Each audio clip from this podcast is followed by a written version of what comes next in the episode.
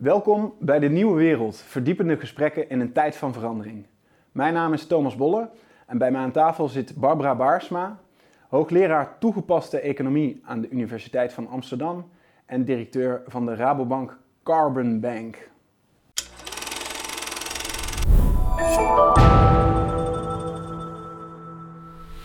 Barbara, welkom. Dankjewel. Leuk dat je hier bent. Ja. Wij gaan het hebben over uh, de coronacrisis, de gevolgen daarvan voor de economie, voor de samenleving en hoe we daar weer uit gaan opklimmen. Dat is het plan. Ja, en ook hoop ik dat, uh, hoe we de problemen die er voor corona al waren, maar die een beetje stil zijn blijven liggen als het gaat om de oplossing daarvan, die weer ook op kunnen pakken. Dat lijkt me, lijkt me inderdaad een goed plan, want er is veel blijven liggen. Ja. Um, wat, wat zijn, laten we daarmee meteen mee beginnen. Wat zijn de grootste uitdagingen waar we eigenlijk voor uh, corona veel mee bezig waren, waren die uh, zijn blijven liggen en uh, waar we tijdens de crisis door corona weinig aandacht voor hebben gehad? Nou, misschien mag ik twee dingen ja. daaruit pakken. Um, de eerste is als je kijkt naar hoe kan een economie eigenlijk groeien. Als je even alle conjunctuur wegdenkt, ja. maar hoe kan een economie groeien? Dat kan op twee manieren. Het ene is door arbeidsaanbod te verhogen. Dus meer mensen die meer uren gaan werken. De tweede is arbeidsproductiviteit. Meer toegevoegde waarde per gewerkt uur. Nou, als we daar dan eens naar kijken, dit is van voor de coronacrisis, maar ze eigenlijk al veel langer. Want wat zie je? Het arbeidsaanbod neemt erg af. Dat komt door de vergrijzing, eigenlijk de dubbele vergrijzing. We worden steeds meer ouderen, maar die worden ook gemiddeld steeds ouder. Ja. Um, en um, ondanks het feit dat vrouwen meer zijn gaan werken, um, ondanks het feit dat er ook wel wat immigratie is, is het arbeidsaanbod, zal de komende tijd, zal de komende decennia zelfs, ja. uh, afnemen. Dat betekent dat een van de belangrijke groeimotoren staat op negatief. Dat betekent dus alle ballen op arbeidsproductiviteit. Hebben we dat de afgelopen jaren voor corona afdoende gedaan? Nee. Uh, we hebben toen onvoldoende het, het, investeringsvermogen, het vernieuwingsvermogen van bijvoorbeeld het MKB, maar ook het groot bedrijf aangezet. Um, we hebben onvoldoende geïnvesteerd in digitalisering, in vergroening, in internationalisering, in het verhogen van arbeidsproductiviteit. En dat betekent, dat is, dat is een groot probleem, omdat de arbeidsproductiviteit, de groei daarvan, neemt trendmatig af. Ja. Uh, al, al geruime tijd. Dus beide groeimotoren hebben aandacht nodig, want zelfs op arbeidsaanbod kun je nog heus wel iets proberen te doen. In elk geval geen beleid maken ja. dat bijvoorbeeld dat verder inkrimpt. Um, dat zijn de twee groeimotoren. Dat is één belangrijke waar ik denk dat, uh, dat we hebben laten liggen. Um, ik noemde al klimaat. Dat is een randvoorwaarde wat mij betreft waarin een economie en samenleving kan acteren. Uh, daar hebben we ook echt hele lange tijd heeft Nederland, dat veel, heeft Nederland daar veel te weinig aandacht aan besteed. En een ander is, Nederland heeft um, hele grote uitslagen in groei en krimp. Dus waar, um, waar, andere landen wat geleidelijker op en neer gaan, gaan wij bij een dal extra diep. En bij een, uh, als het weer beter gaat, gaan, groeien wij extra hard. Die volatiliteit is niet goed voor een economie. En die hangt samen met hoe wij onze economie georganiseerd hebben. Wij hebben, zoals dat heet, hele lange balansen. En als er dan tegenwind komt vanaf financiële markten, dan worden wij, zijn wij extra kwetsbaar en gaan we extra hard uh, uh, van links naar rechts, uh, van krimp naar groei. Okay. En die uitdagingen, dus de twee groeimotoren, ja. de lange balansen om onze economie stabieler te maken en uiteraard klimaat zijn wat mij betreft de belangrijkste. De belangrijkste onderwerpen waar we aandacht voor moeten hebben. Uh, je stelt al, um, klimaatverandering is een, is een randvoorwaarde. Dat, daar moeten we met, met z'n allen voor waken dat deze planeet uh, goed leefbaar blijft. Ja. Uh, want uiteindelijk is de economie um, is, is meer, niet meer dan hoe wij met z'n allen samenleven, wat we produceren, hoe we dat verdelen. En het gaat om het leven zelf. Uh, Tuurlijk, ja, nou maak je het heel filosofisch. Ja, ja, ja en dat mag je ook, zeker. Filosofische school. Ja, nee, maar dat, nee, dat is het doel. Want het, het idee ook wat, wat um, um, je noemt de, arbeids, uh, de arbeidsmarkt. Hè. We, we werken met z'n allen om spullen te produceren, zodat we uh, daarvan een, een leuk leven kunnen uh, leiden. Dat we materieel tot ons recht komen, dat we leuke dingen kunnen doen. En met z'n allen leveren die diensten aan elkaar. Dat, Ja. is, dat is het doel. Ja. En productiviteit, dus wat dat betreft, um, uh, niet, niets anders dan met minder tijd en inspanning toch uh, dezelfde output leveren. Ja, maar ook uh, is productiviteit. Wij hebben, soms zeggen mensen wel, we moeten niet meer groeien. Economische groei mm. is voorbij. In de coronacrisis werd dat ook wel gezegd. Terwijl ik denk, um, we moeten anders groeien. Maar economische groei blijft heel erg noodzakelijk. Al is het maar bijvoorbeeld om de kosten van vergrijzing op te vangen. Um, de zorgkosten, de AOW-kosten, die nemen enorm toe. En um, uh, uh, als wij dat met elkaar belangrijk vinden, en dat denk ik dat we dat belangrijk vinden, dan zullen we dus enige groeiruimte moeten hebben, enige ruimte moeten hebben om weer te verdelen. Want je hebt helemaal gelijk, economie is uiteindelijk een wetenschap die gaat over het verdelen van schaarse alternatief aanwendbare middelen op zo'n manier dat zoveel mogelijk mensen zo gelukkig mogelijk worden. Dat is in een nutshell dat is, economie. Dat is het doel. Ja, en, en dat betekent dus dat je als je die dingen, um, als je het gaat om verdelen, dan doe je een beroep op solidariteit heel vaak. Um, en dat betekent dus dat mensen zijn wel geneigd om solidair te zijn, maar ook alleen als ze er zelf een beetje op vooruit gaan. Dat betekent dus dat je een beetje ruimte moet hebben die je weer kan herverdelen. Dat je het niet van iemand weghaalt en zegt, jij krijgt minder en dan gaan we het aan iemand anders geven. Maar dat je zorgt dat je wat extra groei hebt, zodat je dat kunt verdelen. Zodat iedereen er een beetje in ieder geval op vooruit kan gaan. En daarom is groei, onder andere daarom uh, blijft groei nodig. En daarnaast is groei nodig omdat, en dat is die arbeidsproductiviteit waar jij het over hebt.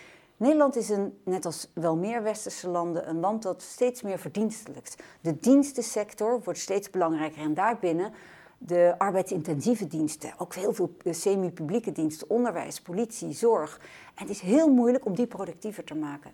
Sterker nog, die zijn in sommige uh, afgelopen jaren zijn die zelfs in gekrompen qua productiviteit. Dat betekent dat een steeds groter deel van het BBP, de koek die wij met z'n allen verdienen, naar dat soort arbeidsintensieve diensten gaat. En als die arbeidsintensieve diensten ook nog eens een keer een veel groter deel van onze economie worden, dan is dat, heb je wel groei nodig om dat te blijven betalen. Want uiteindelijk heb je zorg, onderwijs, rechtspraak. Allemaal van dat soort zaken hebben we nodig, omdat die helpen om Nederlanders tevreden met hun leven te laten zijn. Om mensen gelukkig te maken. Niet alleen nu, maar ook in de toekomst. Dat wens je ook toekomstige generaties toe. En als we over verdeling uh, wil ik het uh, later nog, nog even hebben, over de verdeling van die koek. Um, maar die economische groei die je noemt, hè, en die conflicteert vaak ook met klimaatverandering. Want we hebben nu veel groei uh, gehad die ten koste ging van de natuur. En waarbij we eigenlijk op een onduurzame manier met, met onze grondstoffen zijn omgegaan. Ja. Um, hoe, hoe krijg je daar een balans in? Nou, ik denk dat we hebben dus meer groei blijven we nodig houden, maar ik zei al andere groei. Um, wat nu buiten de definitie van groei valt, is hmm. dat wel wat wel waarde heeft voor een maatschappij, maar geen prijskaartje op een markt krijgt. Nou, dat is bijvoorbeeld, maar niet als enige, um, klimaatverandering, CO2-uitstoot, stikstofuitstoot, al dat soort, dat soort zaken. En ik ben dan, dan moet je me maar niet kwalijk nemen als econoom, Um, groot voorstander van dat wij een prijskaartje daaraan hangen. Niet omdat ik geloof dat alles maar verhandelbaar moet zijn, maar wel omdat je daarmee de krachten die op een, op een markt actief zijn, corrigeert, de goede richting uitstuurt, zodat je uiteindelijk groene groei krijgt in plaats van grijze groei. Grijze groei, dat, dat, dat, dat is op den duur niet uh, toekomstvast, niet houdbaar. Uh, en dus denk ik dat we er goed aan doen om zoveel mogelijk prijskaartjes te hangen. Hè, een forse carbon tax. Hmm. uniform over de hele economie. Uiteraard, en daar komt weer het verdelingsaspect, gekoppeld aan een aanpassing van ons belastingstelsel, waarmee je ook zorgt dat mensen het nog kunnen betalen. Dus lagere lasten op arbeid, uh, en dus een deel van die opbrengsten van die carbon tax kan je daar ook voor gebruiken. En zo zijn er meer prijskaartjes die we moeten, uh, die eigenlijk de overheid uh, als eerste, maar zeker ook bedrijven, die hmm. kunnen daar aan meewerken. En hebben daar een eigen verantwoordelijkheid wat mij betreft. Um, om, om prijskaartjes te hangen op dingen die van waarde zijn. En geloof je dat dat dan ook op een, op een goede manier kan gebeuren? Want prijskaartjes betekenen natuurlijk ook uh, dat mensen met veel geld en, uh, meer kunnen dan mensen met weinig geld. En um, het, het, leidt er soms ook toe ja. um, dat die verandering um, nou, die, die toch langzaam plaatsvindt. En dat ook daar waar veel kapitaal is, dat, dat er onder die regelgeving uit kan worden gekomen. Nee, we moeten hier zeker heel. Uh, alleen maar prijskaartjes hangen, hmm. dat gaat niet werken. Je moet echt naar de sociale consequenties daarvan kijken, naar de herverdelingsaspecten daarvan. Dus twee voorbeelden. Wat ik net al zei is, als wij, en daar ben ik echt voorstander van, stevige carbon tax invoeren van, voor, hè, voor de, over de hmm. hele economie, dus niet alleen in sommige sectoren, maar over de hele economie, dan moet je dat wel combineren met een herziening van het belastingstelsel, waar je met name aan uh, de onderkant van de middengroepen en de onderste groepen, de marginale druk, dus de, de, de belasting die je betaalt op arbeid, echt aanzienlijk verlaagt. Um, een andere gedachte zou kunnen zijn um, dat we, uh, dat als dat met dat belastingssysteem niet lukt, omdat bijvoorbeeld de Belastingdienst dat nog niet aan kan, uh, dat we uh, alle burgers in Nederland uitgaand van onze uh, carbon budget dat wij nog hebben, de, en dat is niet zoveel als Nederland, maar als we dat nou verdelen hmm. onder alle burgers, iedereen krijgt eenzelfde hoeveelheid. En dat, uh, vervolgens ga je um, bijvoorbeeld, ik, ik ben huiseigenaar, dus ik, ik zal meer verbruiken, meer energie verbruiken dan iemand die in een sociale huurwoning zit, gemiddeld genomen. Dus ik zal waarschijnlijk niet genoeg hebben aan mijn budget, dus ik moet wat kopen. Dan ga ik dat kopen van diegene en heeft die een extra opbrengst. Dus als je de hmm. carbonruimte die we met elkaar hebben verdeelt onder de bevolking. Hmm. Vervolgens tegen mensen zegt, nou prima als jij uh, wil vliegen naar India, ik zeg maar wat. Um, en je hebt daarvoor zelf niet genoeg carbon budget, dan zul je het moeten kopen. En zo krijg je dan ook een herverdeling van de veel gebruikers van carbon. Over het algemeen zijn dat de wat, uh, laten we zeggen, rijkere mensen. Die moeten daar dan ook voor betalen. En dat komt dan terecht bij mensen die het hm. heel goed kunnen gebruiken. Hier heb je blockchain-technologie voor nodig, een carbon wallet enzovoort. En het klinkt misschien als iets heel raars. Uh, maar ik denk wel dat dit zou een oplossing kunnen zijn. Hm. First best is voor mij wel het belastingstelsel, want dan los je heel veel andere dingen ook mee op. Hm. Een andere, wat ik net zei. Als je, ik wil hier nog even, ja, ik wil hier even op ingaan. Nog, want dit is natuurlijk wel heel erg gedacht vanuit het marktmechanisme en dat het goed functioneert. En als, als er... Nee, nee, dat niet goed functioneert en dat gecorrigeerd moet worden met prijskaartjes. dat wel. Er moet wel gecorrigeerd want, want anders krijg je heel erg, uh, ja, wat, ik, wat ik net al schetste, dat er gewoon rijke mensen kunnen zich alles veroorloven. En... Nee, dus het is een combinatie. Ik ben het helemaal met je eens. De markt werkt eh, als het gaat om. Uh, uh, het, het, verhandelen, het klinkt heel economisch, maar het, om, om, om, milieugoederen bijvoorbeeld, werkt niet goed omdat er geen goede beprijzing is. Er is niet, de, de echte prijs wordt daar, kaartje wordt daar niet aangehangen, de welvaartseffecten worden niet ingeprijsd. Dus moet je dat doen, moet je dat wel gaan beprijzen, echter gekoppeld ook aan een, aan een herverdelingsagenda. Dus een, een agenda die zorgt dat niet dit een feestje, of nou feestje, een toekomstvastheid wordt voor de rijken mm. en, een, en een hard gelach voor mensen die het niet kunnen betalen.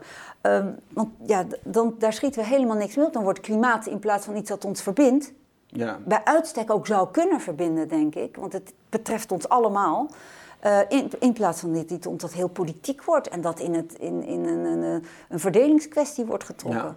Daar moeten we echt voor waken. Maar zal het, zal het dat niet vanzelf uh, toch gaan worden? Want je ziet dat al, al gebeuren. Het, het, uh, de gasprijzen gingen uh, dit jaar omhoog. Ja. Je ziet dat vooral minima worden daar heel hard geraakt. Dan gaat de overheid gaat toch de, van oh, we moeten wel iets doen. Dan komen er, komt er steun. Ja, dat, daar krijg, je krijgt daar toch heel snel. Ik zeg niet dat het makkelijk is.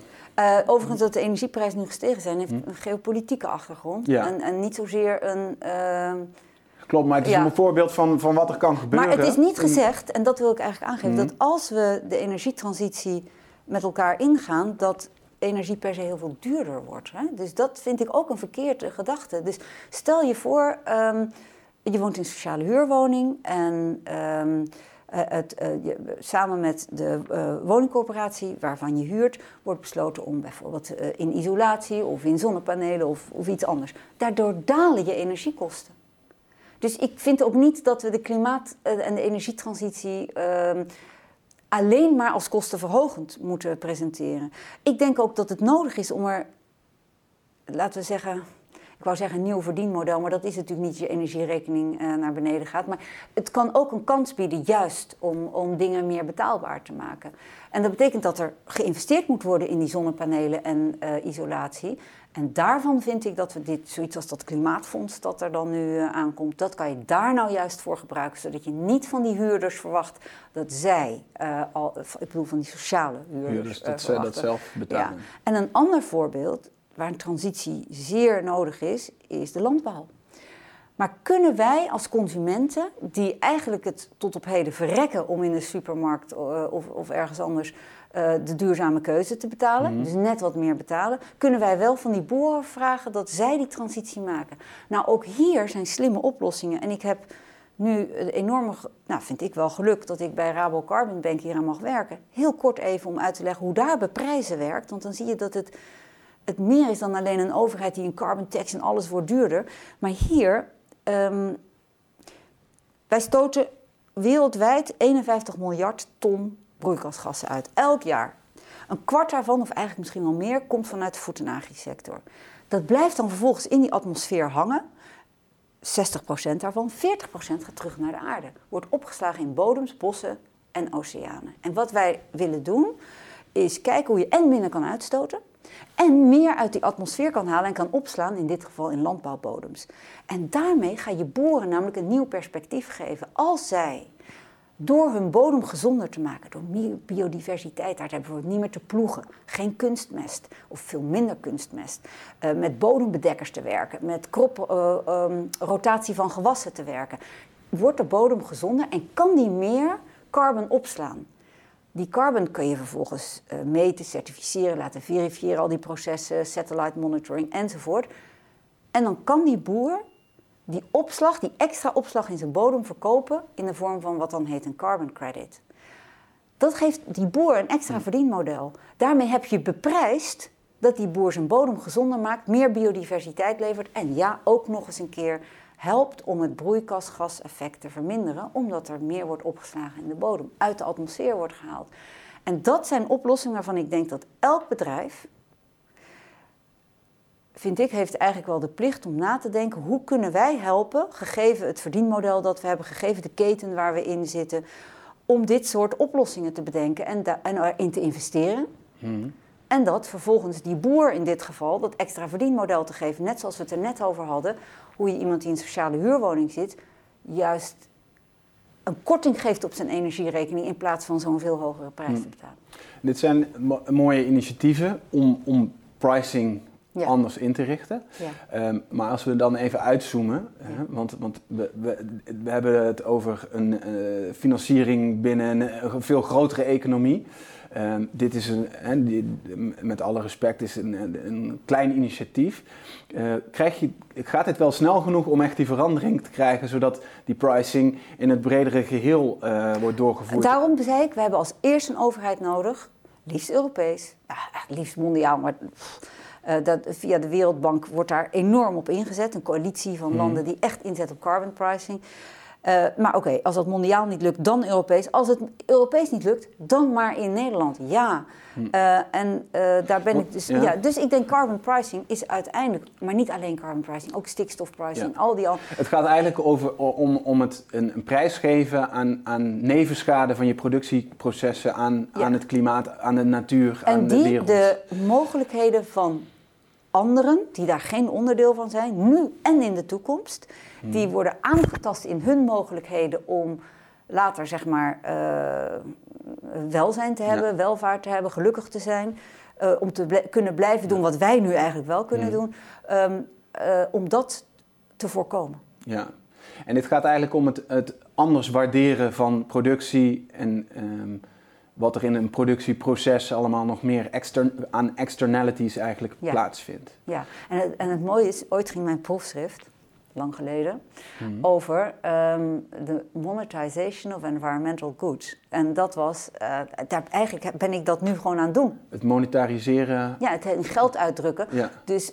je hoeft het niet altijd maar te verhandelen, want ja. dat is, daar ben ik, maar wel het in geld uitdrukken. Van, ja. uh, van, van Nou, mijn, mijn masterscriptie ging ook over carbon uh, credits. Ja. Maar dan over de, de manier waarop dat verhandeld werd. En dat bijvoorbeeld in China dan een fabriek niet werd neergezet en dat werd dan verhandeld in Europa. En dan kon je hier uh, die credits uh, gebruiken. Oh nee, dus maar ik ben helemaal met je eens dat we op dit soort oplossingen ja. uh, ontzettend kritisch moeten zijn. Ja. Dat het geen double counting is, dat het geen greenwashing is, dat het echt hoge kwaliteit is.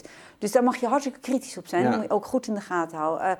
alleen ik denk dat, dat met die boeren, jij zei net als een klein initiatief. Ik snap dat je dat zegt. Het is nu ook nog klein. Hmm. Alleen. Um, nou, Rabobank is een wereldwijde bank, een van de grootste voed- en agribanken ter wereld.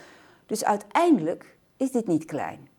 Nee, het is, Uiteindelijk ik denk is dit heel ik, groot. Ik want, zie het als een positief ja. initiatief, maar, nee, maar kijk, en, gaat en het snel genoeg was, eigenlijk? Dat is, want, want, ja, maar dat, dat, ik denk dat uh, als je dat bij elk individueel Mhm. initiatief vraagt, zal het waarschijnlijk bij heel veel van die initiatieven individueel zijn. Nee, het gaat Nee, niet snel genoeg nee. en ja, het is te klein. ja. Als je het optelt, Hmm. en een deel zal mislukken, van al die initiatieven bedoel ik, um, uh, en, en een deel zal lukken. En we, we, we, kunnen niet anders dan het gewoon proberen. Uh, dus. Nee, dat, ja. dat is ook goed. Maar is, is, het, is het commercieel belang van, van Rabobank wat dat betreft niet te zwaarwegend om dit groot te laten worden? Kan dit, kan dit groeien? Ik geloof eerlijk gezegd dat bedrijven, als, ze niet, als het niet ook in hun eigen belang is, gaat het Hmm. niet snel genoeg. Dus ik vind het alleen maar positief dat het ook, dit ook goed is voor de Rabobank. Overigens niet eens zozeer om de reden die jij noemt, dat, dat, uh, um, dat, dat het alleen maar uh, in termen van heel veel geld oplevert. Mm. Nee, omdat het onze portefeuille vergroent. Omdat het um, uh, zorgt dat we van sorry, dit is even een zijstapje, maar niet ons zo afhankelijk maakt van rentemarges, maar meer op een fee-based gaat werken. Dus ons verdienmodel ook toekomstvaster maakt in de lage renteomgeving. Dus er zitten veel meer aspecten aan dan dat. Maar ik geloof heel erg in duurzame innovaties, waar ook het bedrijf dat die innovatie doet, uh, beter van wordt, toekomstvaster van Ja. wordt. Als dat niet zo is, kijk, een bedrijf is geen NGO. Uiteindelijk heb je wel die winst nodig om in de toekomst ook weer Maar te moet dan niet het huidige eh, verdienmodel ook onder druk komen te staan om die stap te maken? Zodat het echter een noodzaak is om, om, eh, om, om een nieuw eh, verdienmodel te ontdekken?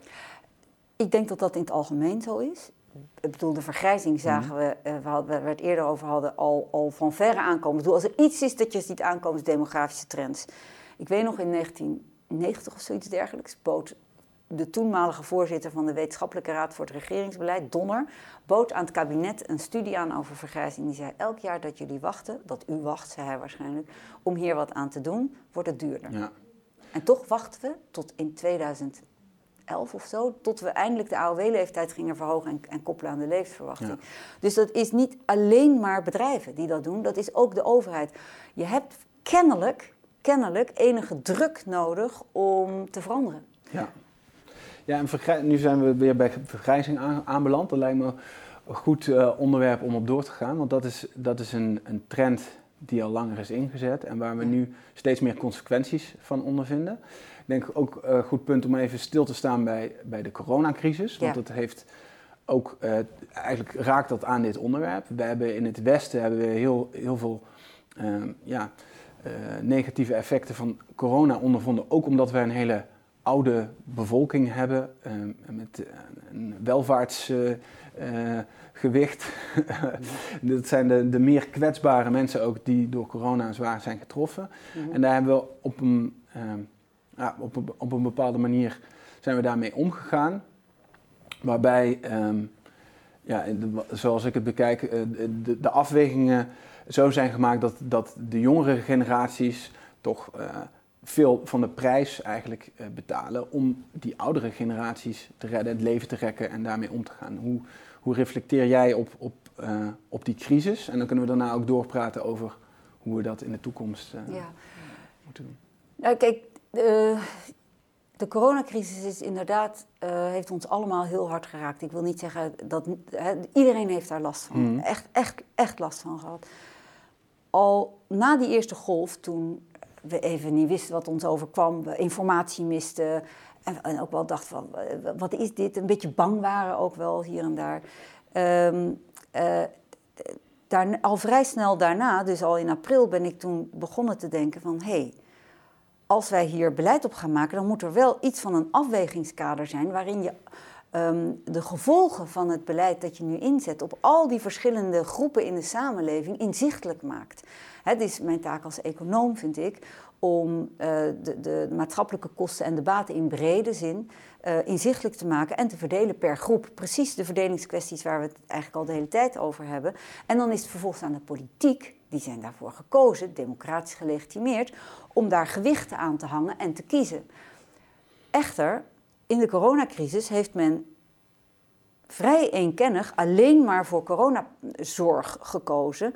Niet gekeken naar bijvoorbeeld zorg voor andere patiënten, kankerzorg, cardiologische zorg enzovoort. Maar ook niet buiten de zorg gekeken, gewoon naar uh, uh, het welzijn van jongeren, maar ook van ouderen die in een verpleeghuis zaten en daar uh, in hun in eenzaamheid ja, echt wel ongelukkiger werden. Dus um, Daarnaast werd er toen besloten later tot schoolsluitingen, universiteitssluitingen, het hele openbare leven dat in lockdowns, echt, ik weet niet, die, die tweede lockdown, die was van oktober en liep helemaal door, wel langzaam afgeschaald tot juni. Ik had het daar laatst met studenten over en die zeiden, ja, dat, dat leek voor mij een eeuwigheid te duren. Ik had geen perspectief meer. Um, en toen deze derde lockdown kwam, in halverwege december, toen hadden ze ook zoiets, ja, ik, dat gaat vast weer heel lang duren. Ik, ik, weet je, ze, werden, ze zakten helemaal hmm. zo onderuit. Hun lichaamstaal sprak boekdelen. De, en dat zie ik wel, dat met name bij die jongeren, die schoolsluiting, het helemaal stilleggen van dat openbaar leven, wat zij zo nodig hebben om zich te ontwikkelen, een hele hoge prijs van met name hen, maar dus ook van anderen, maar met name hen heeft gevraagd. En de politiek heeft hen daar niet in erkend, heeft niet gezegd, Oké, we zien dat jullie hierdoor geraakt worden. Wat ontzettend naar, maar toch geven we er gewicht nul aan. En dat is wel wat er gebeurd is. En het gaat niet alleen, beste jongeren, om, jullie, uh, om wat jullie nu overkomt, maar we realiseren ons ook dat jullie gedurende je gehele leven hier gevolgen van zullen hebben. Met name ook die jongere kinderen hè, die in kansarme gezinnen zitten, schoolsluiting. Dat gaat hen levensduur kosten. Dat gaat hen verdienvermogen kosten.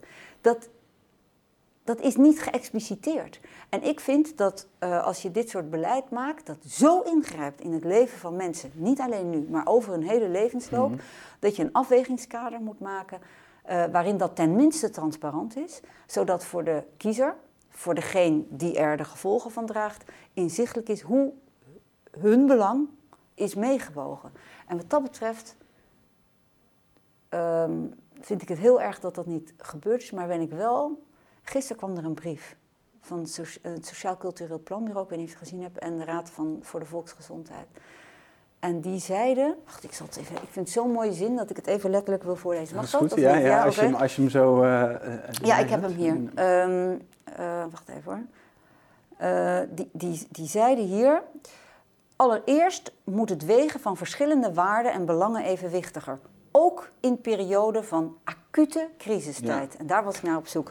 En um, dat is denk ik, dat, dat als wij, als we hier in ieder geval van mhm. geleerd hebben, dat bij volgende crisis of pandemieën wij zo'n afwegingskader maken, nou dan is dat tenminste wat. Alleen in de afgelopen anderhalf jaar heb ik gemerkt dat, dat, dat, dat daar weinig ruimte voor was. Ik heb ook, nou ja, persoonlijk wel ervaren dat dat uh, het daarvoor opkomen, voor zo'n bredere afweging, het transparant maken, hmm. het, het, achterstellen van jongeren, dat bespreekbaar maken, dat dat uh, voor sommige mensen dermate ongewenst of confronterend was, dat je dat, je dat zelfs met ja, de meest vreselijke verwensingen moest bekopen. Dus het, het, er was ook helemaal geen ruimte om dit te bespreken. Je, je, eh, heel veel mensen werden uh, monddood gemaakt. Je, je, kon over corona helemaal niet meer een open debat hebben. Er was maar één lijn en dat was de lijn van de jongen en Rutte, als ik het even hmm. zo mag zeggen. En alles daarbuiten werd als moreel verwerpelijk, als, als, uh, werd weggezet. En dat is denk ik funest geweest voor het vanuit de beste bedoelingen beter willen maken van dat beleid. Ja, ja ik, ik, ik deel die analyse dat er, dat er weinig uh, open is uh, gediscussieerd over verschillende opties, verschillende ja. uh, scenario's en dat daar ook belangen anders dan de acute noodsituatie een, een, plek kregen, een, een, echte plek in het afwegingskader. Ja. Um, en ik vind dat ook wel interessant als je het plakt op die klimaatcrisis, eh, de vergrijzing. Dat zijn allemaal ook uh, minder acute problemen. Corona is heel erg nu en uh, daar is een, een, een, direct zichtbaar wat, wat het effect is. En daar zijn we dus ook in staat mhm. om eigenlijk heel stevig in te grijpen in ons normale leven. Want dat is gebeurd met die lockdowns. Daar stond ik aan de ene kant eigenlijk van versteld dat dat zo, zo kan. Dat we, dat we daar toch um, met z'n allen in, in zo'n korte tijd ons hele leven overhoop gooien. Dat biedt ergens ook een, uh, een, een, positieve noot dat je als er crisis is, dat we echt wel iets kunnen veranderen. Als we dat met z'n allen doen. Maar bij zoiets als een klimaatcrisis, waarbij dat veel geleidelijker gaat en waarbij de schade pas in de, in de toekomst echt voelbaar wordt, Ehm, zijn we juist niet in staat om, om dat te doen. Maar het is heel mooi wat je nu zegt, want het is een sluimerende crisis. Is, geeft veel minder urgentie, geeft veel minder mm. um, uh, handelingsnoodzaak. Terwijl zoiets als bij corona, waar ook nog eens de regering eerlijk gezegd het instrument van de angst gebruikt. Om mensen, zeker in de eerste golf, maar dat is daarna ook nog wel gebruikt. Um, te bewegen om allerlei dingen te accepteren die we misschien in normale tijd uh, niet zouden accepteren. Die inperking van vrijheden zonder een fatsoenlijke juridische toets, zonder een fatsoenlijke uh, um, uh, onderbouwing ook vanuit. Ik ben geen jurist, maar ik heb, ik heb met juristen hierover gesproken. Um, de afweging van, van opgeven van vrijheden, van burgerrechten versus de baten die daar ook mm. tegenover staan. Ik denk dat dat, dat heeft mij ook verbaasd met jou. En het heeft mij als je het nou positief interpreteert, we kunnen het wel. Ja. We kunnen twee dingen. Eén, we kunnen ons gedrag aanpassen. En twee, we kunnen een grote hoeveelheid geld bij elkaar brengen. En vernuft en kennis. Waarmee die bijvoorbeeld vaccins zijn ontwikkeld. Nou, um, als we en ons gedrag kunnen veranderen en zoveel geld bijeen kunnen brengen, dan moeten we toch ook. Hm. Ook al is dat echt van een bovenmenselijke maat, eerlijk gezegd. De klimaatcrisis is nog groter, denk ik, dan de coronacrisis. Ja. Maar moeten daar in ieder geval de eerste stappen kunnen zetten. Ja. Alleen dan moet dan wel op een, op een andere manier dat die belangen van toekomstige generaties dus ook een, een, een betere plek krijgen. Hè? Dat, dat is bij de klimaatcrisis speelt dat. Ook als we het hebben over vergrijzing, uh, dat, dat bijvoorbeeld pensioenen ook in de, in de toekomst nog houdbaar zijn, dat de toekomstige generatie ook nog uh, pensioen krijgen. Uh, dat soort dingen zijn veel moeilijker, hè? dat is niet urgent.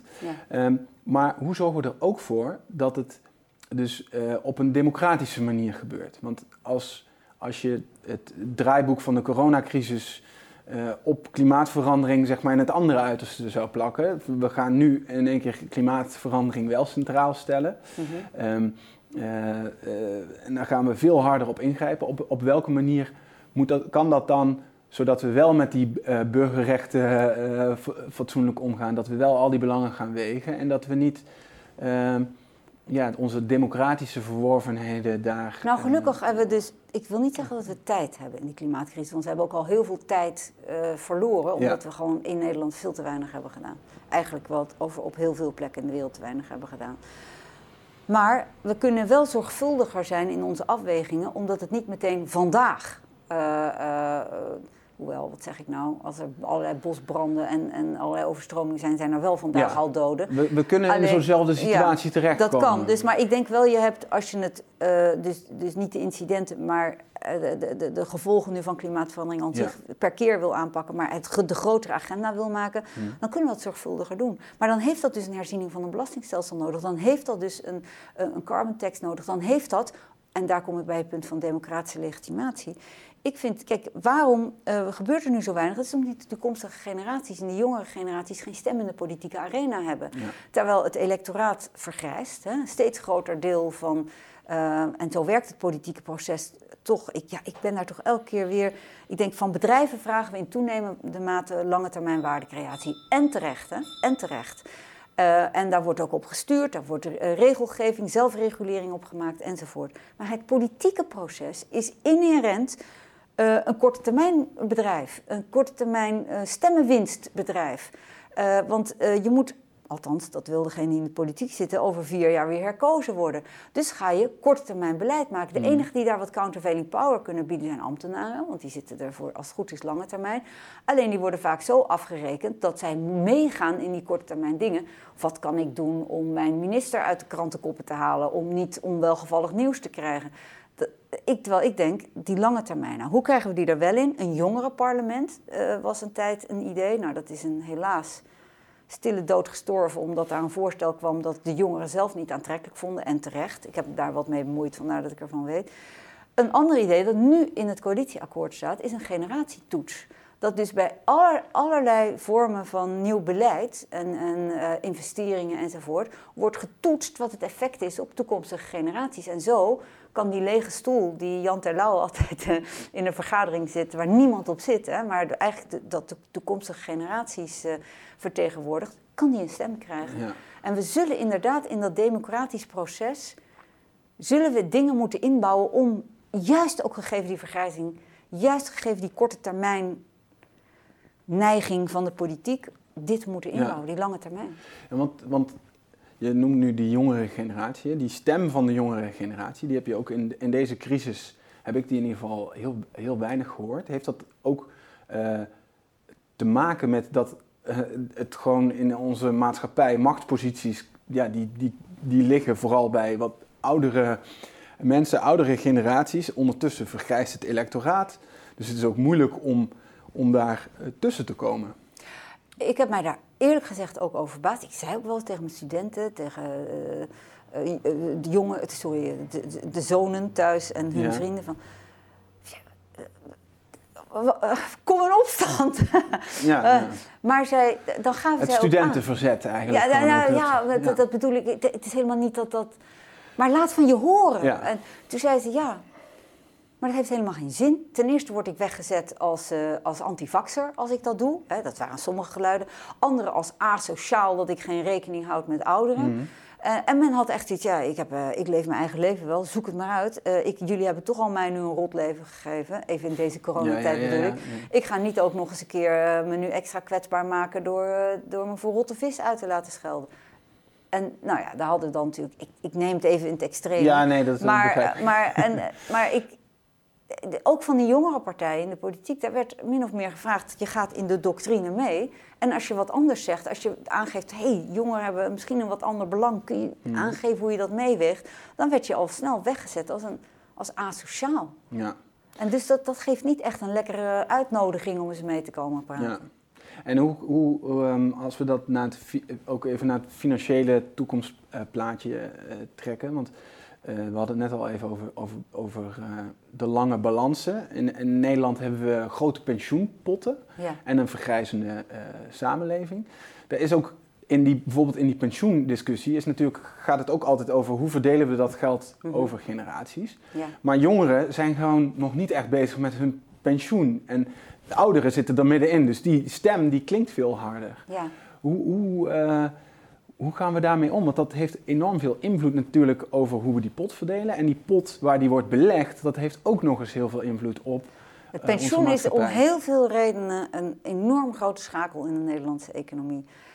Maar laat ik vooropstellen, het is wel fantastisch dat we zoveel pensioengeld hebben. Hè? Dus dat wij, wij hebben in Nederland is de armoede onder ouderen en de kans om armoede te ervaren als ouderen gemiddeld genomen is het laagst, een van de laagste ter wereld. Dus het is ook hm. de AOW samen met die uh, werknemerspensioenen, dus het pensioenfonds, is wel ook iets heel moois.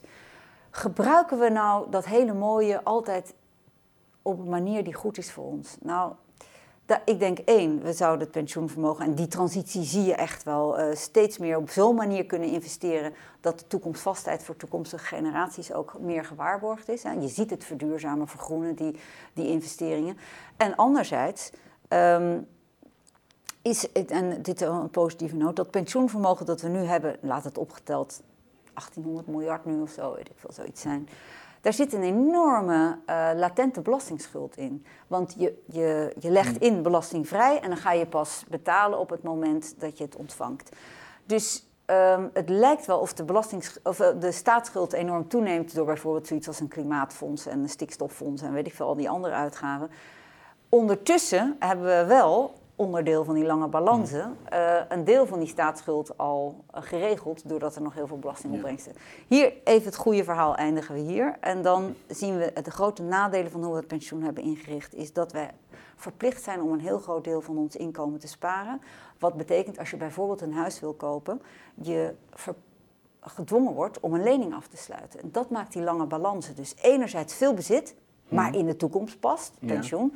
Anderzijds veel schulden. De afgelopen jaren is de hypotheekschuld in Nederland nog altijd, ondanks het feit dat die iets lager is, nog altijd bijna 100%, 95% van ons BBP. En dat, die, die, die lange balans, dus enerzijds veel bezittingen, anderzijds heel veel schulden, eh, maakt ons heel kwetsbaar voor als er financiële tegenwind komt. Dat was nu coronacrisis, kwam niet vanuit het financiële systeem, maar de vorige crisis in 2008-2009 kwam wel uit het Ja. financiële systeem. Toen, toen die aandelenkoersen toef gingen naar beneden, pensioenvermogen kromp enorm in. Eh, en wat gebeurde er? Mensen die, die, werden onzeker. Eh, oh jeetje, mijn, eh, krijg ik nog, moet ik meer premie betalen of krijg ik minder pensioen? Hand op de knip, was de eerste dip. Vervolgens gebeurde er, ging die, die, die financiële crisis ging over naar de huizenmarkt. De huizenprijzen gingen naar beneden. Een derde van de huishoudens kwam onder water te staan. Dus de waarde van hun huis was lager dan de nog uitstaande hypotheek. En al het geld dat ze binnenkregen, dat werd gebruikt om af te lossen in plaats van uit te geven. Hand op de knip, dubbele dip. En ehm, dat, die lange balansen, daar moeten we echt iets mee. Dus hoe kunnen we zorgen dat je bijvoorbeeld een deel van je pensioenopbouw kunt gebruiken onder bepaalde voorwaarden om een huis te kopen of een huis te verduurzamen? Ja. En wat is de rol ook van, van banken in dit systeem? Want kijk, die crisis hebben we gehad in 2008. Maar de balansen zijn, gedaan zijn nog, even lang. En, en de huizenprijzen zijn weer sky high. Inderdaad. Omdat het, ook, ook omdat het voor banken, ook de Rabobank, gewoon eh, aantrekkelijk is om hypotheken te Zeker, verlenen. en dus moet je die verantwoordelijkheid hiervoor niet alleen bij banken leggen. Is dat een collectieve verantwoordelijkheid wederom, ook van de overheid, die toch als corrector van marktfalen eh, hier Ja. ook eh, moet optreden. En ik denk dat eh, ten eerste het totaal afschaffen van fiscale subsidies op het aangaan van hypotheekschuld, maar eerlijk gezegd ook andere schuld.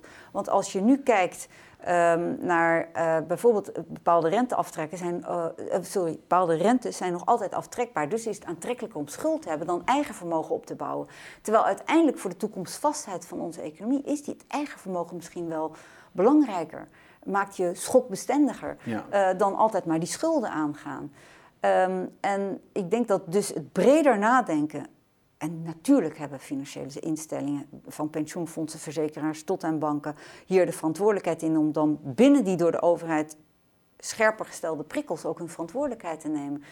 Ehm, en, en dus bijvoorbeeld met oplossingen te komen om een deel van pensioengeld voor verduurzaming van woningen of, of, of het aankoop van woningen of huurkoop van woningen, andere slimme oplossingen eh, te bedenken. Om meer in de middenhuursegmenten te stappen enzovoort, om die woningmarkt eh, beter te laten werken. Ja. Zeker, maar niet alleen. En, en die eh, toezichthouders en, eh, die bijvoorbeeld eh, kijken naar eh, hoe, hoe banken functioneren, maar ook de regels bepalen van monetair eh, beleid. Ja. Ehm, kijk, als je, als je van een afstandje kijkt naar ook het ingrijpen, ehm, ook nu tijdens de coronacrisis, hè, want dat we- weten, dat, daar is de afgelopen tijd niet zo heel veel aandacht voor geweest, maar toen de crisis uitbrak, Ja.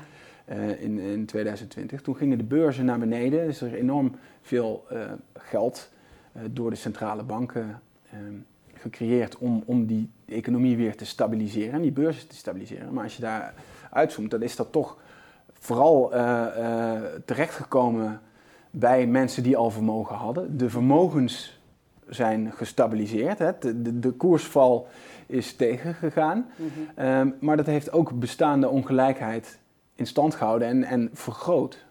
Maar dit is helemaal waar. Kijk, de coronacrisis heeft een aantal problemen die er voor corona waren, veel duidelijker gemaakt, veel harder gemaakt. Ja. Op zich is inkomensongelijkheid, althans voor zover we nu kunnen meten, niet zo toegenomen. Maar vermogensongelijkheid en met name kansenongelijkheid is denk ik echt wel toegenomen in de coronacrisis. Dat heeft ook, maar niet alleen te maken met, laten we zeggen, centrale bankenbeleid. Dat overigens daarvoor ook al een tijdje bestond. Ja, dat bestond Eh, al, maar het is een ja. voortzetting en een, Zeker. en een, een en soort het van was overdrive. eigenlijk wel, ja, en, en eh, is er nou zo'n enorm tekort aan geld in de economie? Nou nee, we zijn in de coronacrisis ook veel meer gemiddeld genomen. Degenen die het konden doen, zijn meer gaan sparen. En eh, al dat geld wacht eigenlijk op een bestemming eh, die, die belangrijk is om de economie toekomstvaster te maken. Om te investeren in die arbeidsproductiviteit die we hadden. Een leven lang leren, zodat je in ieder kans geeft om in de arbeidsmarkt zijn eigen toekomstvastheid te regelen. In uh, klimaat, enzovoort, enzovoort. En nu ligt, staat dat geld maar, ja, daarnaast denk ik dat het wel problematisch is. Dat, dat, en dat staat ook omdat het terecht is gekomen bij mensen die, die het niet nodig die hebben. Niet, niet, niet per se nodig hebben om, te, om dagelijks te kunnen leven. En dat is die vermogensongelijkheid waarvan ik echt denk dat je gelijk hebt, dat die is toegenomen naast de kansenongelijkheid. En ik denk dat, een, dat het ECB-beleid nu om, om, twee redenen uh, rijp is voor heroverweging. Um, het eerste is, het heeft ervoor gezorgd, of althans heeft het in toenemende mate het risico dat er bubbels ontstaan. Of in aandelenmarkten, uh, maar ook huizen. Ja. Want wat vermogende mensen die het niet nodig hebben voor Die gaan dat daar dan maar in. De, je, zoekt naar rente, je, je, wil dat geld niet op een bank laten staan tegen negatieve rente. Dus wat doe je dan? Nou, dan ga je op zoek naar rendement. Uh, nou, waar zit dat dan nog? In aandelen en in huizen. Uh, ja. en, uh, en, en dan ga je dus in beleggingen zitten, ga je in huizen zitten. Nou, we moeten wel gaan opletten dat daar niet allemaal bubbels ontstaan, dan ben je je volgende crisis aan het organiseren. Ander ding is dat uh, centrale banken het renteinstrument, doordat dat nu ultiem laag is, vrijwel nul is, soms zelfs eronder, niet meer kunnen gebruiken om bijvoorbeeld, wat hun verantwoordelijk is, inflatie uh, op, op een pijl te hebben wat, wat, wat, wat zinvol is. Maar ook niet om en dat zagen we in de vorige crisis, toen eigenlijk overheden onvoldoende hun begrotingen inzetten om ons uit de crisis te halen. Ze bleven maar bezuinigen. Toen heeft, hebben centrale banken zijn dit renteinstrument gaan gebruiken om eigenlijk te doen wat die overheden niet doen. Maar dat instrument kunnen ze nu niet meer inzetten nu het zo laag is. Dus ze hebben ook hun eigen beleidsinstrumentarium enorm verarmd. Plus bubbels. Ik denk, heroverweeg het, uh, misschien, nou, laat ik het daarbij houden. Ja, nou, dat is wel een heel interessant onderwerp. Uh, misschien moeten we daar nog een andere keer in wat meer detail over uh, doorpraten. Maar het is, wat daar gebeurd is in de, in de vorige crisis natuurlijk dat um, in plaats van dat overheden de, de economie gingen stimuleren, is er heel erg op ingezet op dat de financiering vanuit banken moest komen en dat door de rente te verlagen. Ja uh, en kwantitatieve verruiming uh, toe te passen door centrale mhm. banken. Die, die, uh, het doel was eigenlijk, er moet meer geld in de economie komen, maar dat doen we niet via het begrotingsbeleid van de overheid, dat moet via de markt gebeuren.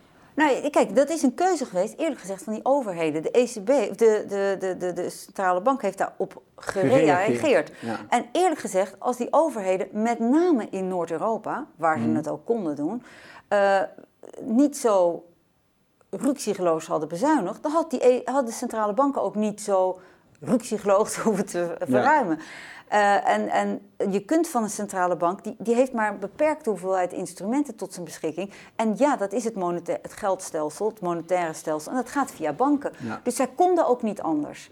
Um, uh, zij kunnen niet, uh, zoals overheden, ineens geld aan burgers, dus via andere hmm. belastingen of ander beleid, uh, meer bestedingsruimte bij burgers creëren. Dat kunnen zij niet. Zij zullen dat via banken moeten doen en dan hopen dat een lagere rente, dat meer geld bij banken ertoe leidt dat uh, bedrijven meer gaan investeren. Liefst in duurzame dingen natuurlijk.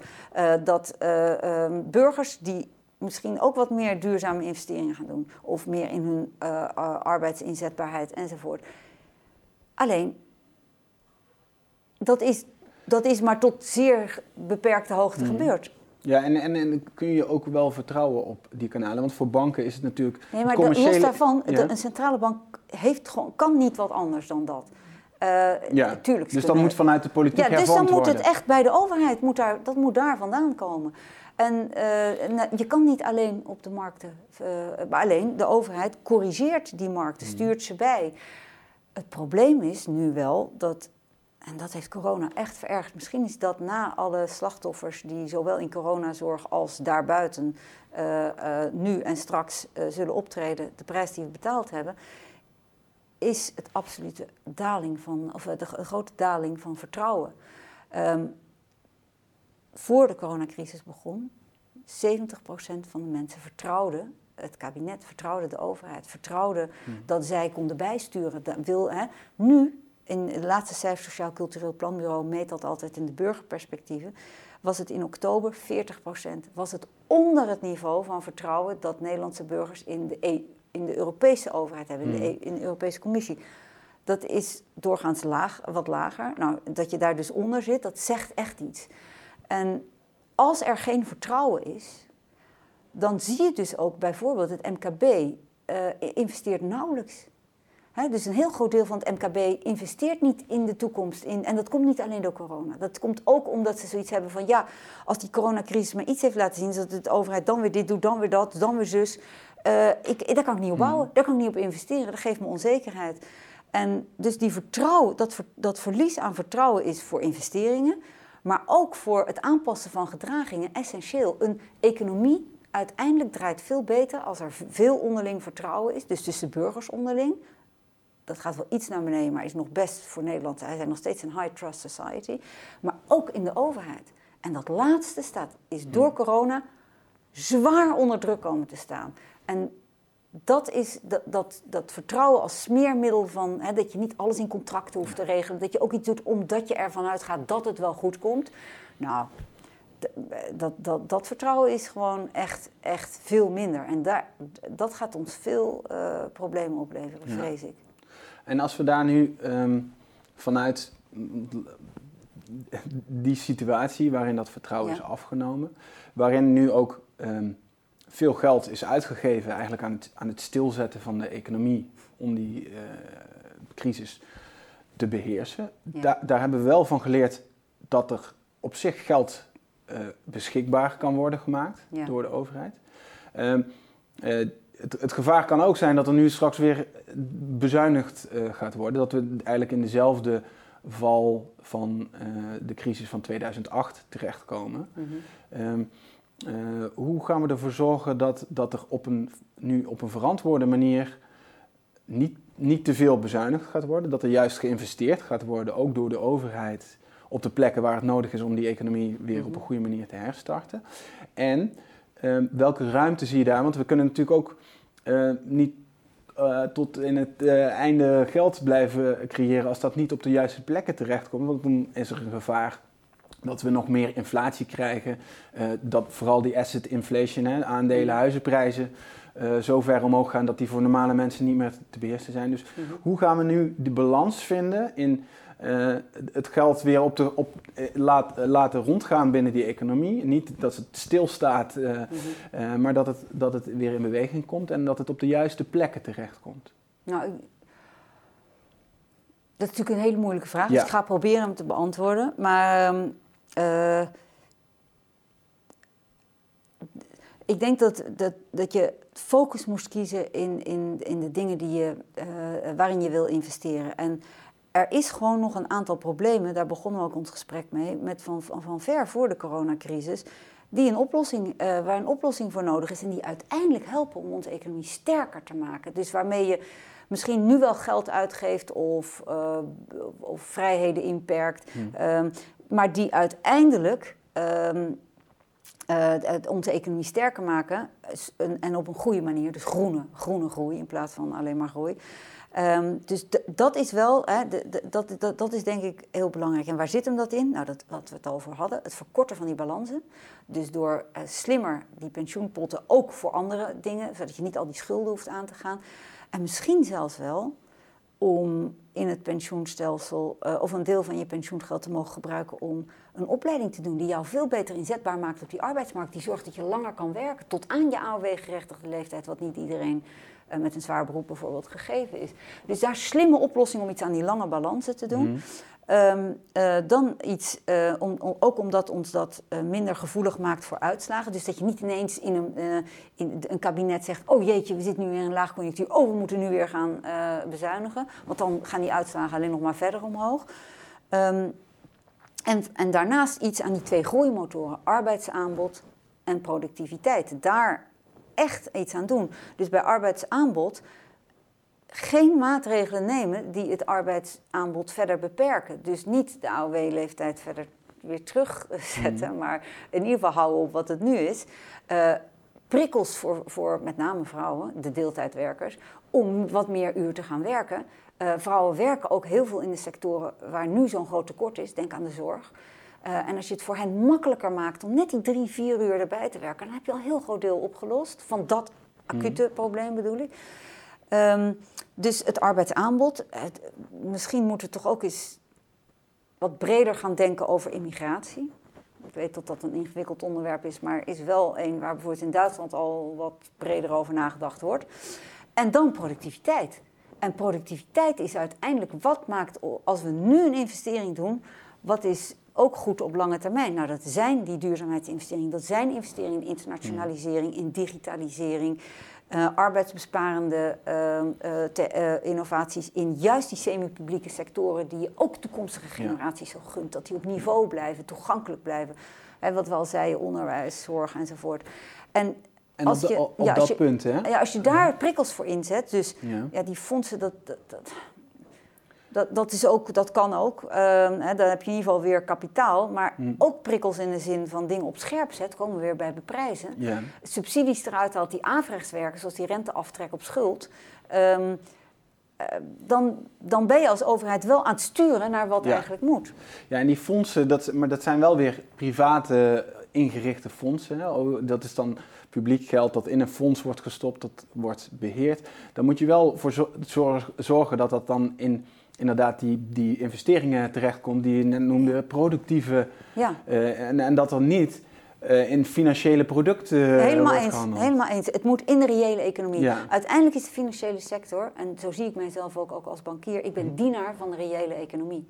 En dus, dus wat we niet moeten doen is de economie verder financialiseren, pardon, vol met financiële instrumenten stoppen. Nee, we moeten juist veel meer um, de kracht van die economie en de, en de processen die daarin zitten versterken. En dat betekent bijvoorbeeld op de arbeidsmarkt, om het even, de, de, modernisering van de arbeidsmarkt is een ander onderwerp waar we al heel lang over praten. Zo'n stapel rapporten. En, en we, we, weten wat we moeten doen, maar het gebeurt gewoon niet. Of althans onvoldoende. Laat, sorry, dat was een negatief. Het gebeurt onvoldoende. En in de coronacrisis, wat zie je dan? Omdat we het onvoldoende hebben gedaan, wie verloor zijn baan? Wie ging er minder uren werken? Zelfstandigen, mensen met een flexcontract. En de, de vaste mensen, die kregen al die, uh, al die uh, loonsubsidies wel. Die, die hebben niet zo onder geleden. Dus dat gat werd alleen maar groter. De ongelijkheid werd alleen maar groter. Extra reden, wat mij betreft, om hier nu wel echt heel snel wat aan te doen, is dat ik bedoel, daar, dat kan enerzijds door leven lang leren potten uh, in te stellen. Mhm. Waardoor met name die mensen die nu tussen wal en het schip vallen. Ik kan wel een opleiding doen. Weet je, ik kan het ook, voor mij mag ik best vragen om daar zelf in te investeren. En ik, en ik doe het ook al wel. Maar juist de mensen die misschien in een baan zitten waarbij een werkgever wat minder geneigd is om in jou te investeren. Omdat je misschien al wat ouder bent of omdat je een tijdelijk contract hebt of weet ik veel. Daar moeten we potten voor maken. Uh, en hen het recht geven op, op die, die bij- en omscholingsdingen. Dat soort, die prikkels daarvoor is op scherp zetten. Um, en, en daarnaast gewoon iets doen. En ook weer daar de subsidies uh, op zelfstandigen. Uh, iets aan bescherming, ontslagbescherming, doorbetaling bij hmm. ziekte. En, het verhaal is duidelijk. Ja, en, niet, en, en de vermogensongelijkheid is daar wat, wat aan te doen om, om ook sneller ervoor te zorgen dat er meer geld van de vermogenden op die, op die plekken terechtkomen waar het wel productief wordt ingezet? Ja, dat is best. Ik denk echt dat uiteindelijk de fiscale behandeling van alle vormen van eigen vermogen, zoveel mogelijk, en vreemd vermogen, bedoel ik van vermogen, van kapitaal, zoveel mogelijk gelijk moeten trekken, fiscaal. Ja. Dat je, want nu heb je gewoon een prikkel om, maar, hè, om bepaalde vormen van vermogen te hebben. En dat, ik denk dat dat uiteindelijk, uh, daar heb je niet meteen van vandaag op morgen geregeld. Um, uh, en daarnaast denk ik dus dat uiteindelijk, ja, vermogen is een hele belangrijk, maar vermogen is voor mij ook een breed begrip. Uiteindelijk is, je, is, is ja, geld. Maar geld is uiteindelijk, weet je waar, waar mensen het meest gelukkig van worden, blijkt uit onderzoek, hè, dat, wat ik ook zelf heb gedaan, is niet zozeer koopkracht. Niet zozeer vermogen. Maar wel regie op het eigen leven. En natuurlijk heb je wat vermogen en heb je inkomen nodig om regie op je eigen leven te hebben. Maar wat je vooral nodig hebt om regie op je eigen leven te hebben, is ehm, toegang tot zorg, toegang op de arbeidsmarkt, toegang tot onderwijs, toegang uh, tot de huizenmarkt, dat je een dak boven je hoofd hebt. En ik denk dat als een overheid veel breder zou kijken, naar wat burgers nodig hebben om die regie op hun leven te krijgen, ehm, dan zijn ze ook aan, die, aan dat vertrouwen weer terug aan het bouwen. Dus het is veel breder dan alleen vermogen en inkomen. En de vermogensongelijkheid uh, aan, aanpakken heeft echt met fiscaliteit te maken, denk hm. ik. Nou, dan gaan we afsluiten met dat, de, de regie over het leven terugpakken. Ja. En onze economie op die manier toekomstbestendig maken. Ja. Daar gaan we op focussen. Goed, dankjewel voor het gesprek. Heel graag gedaan.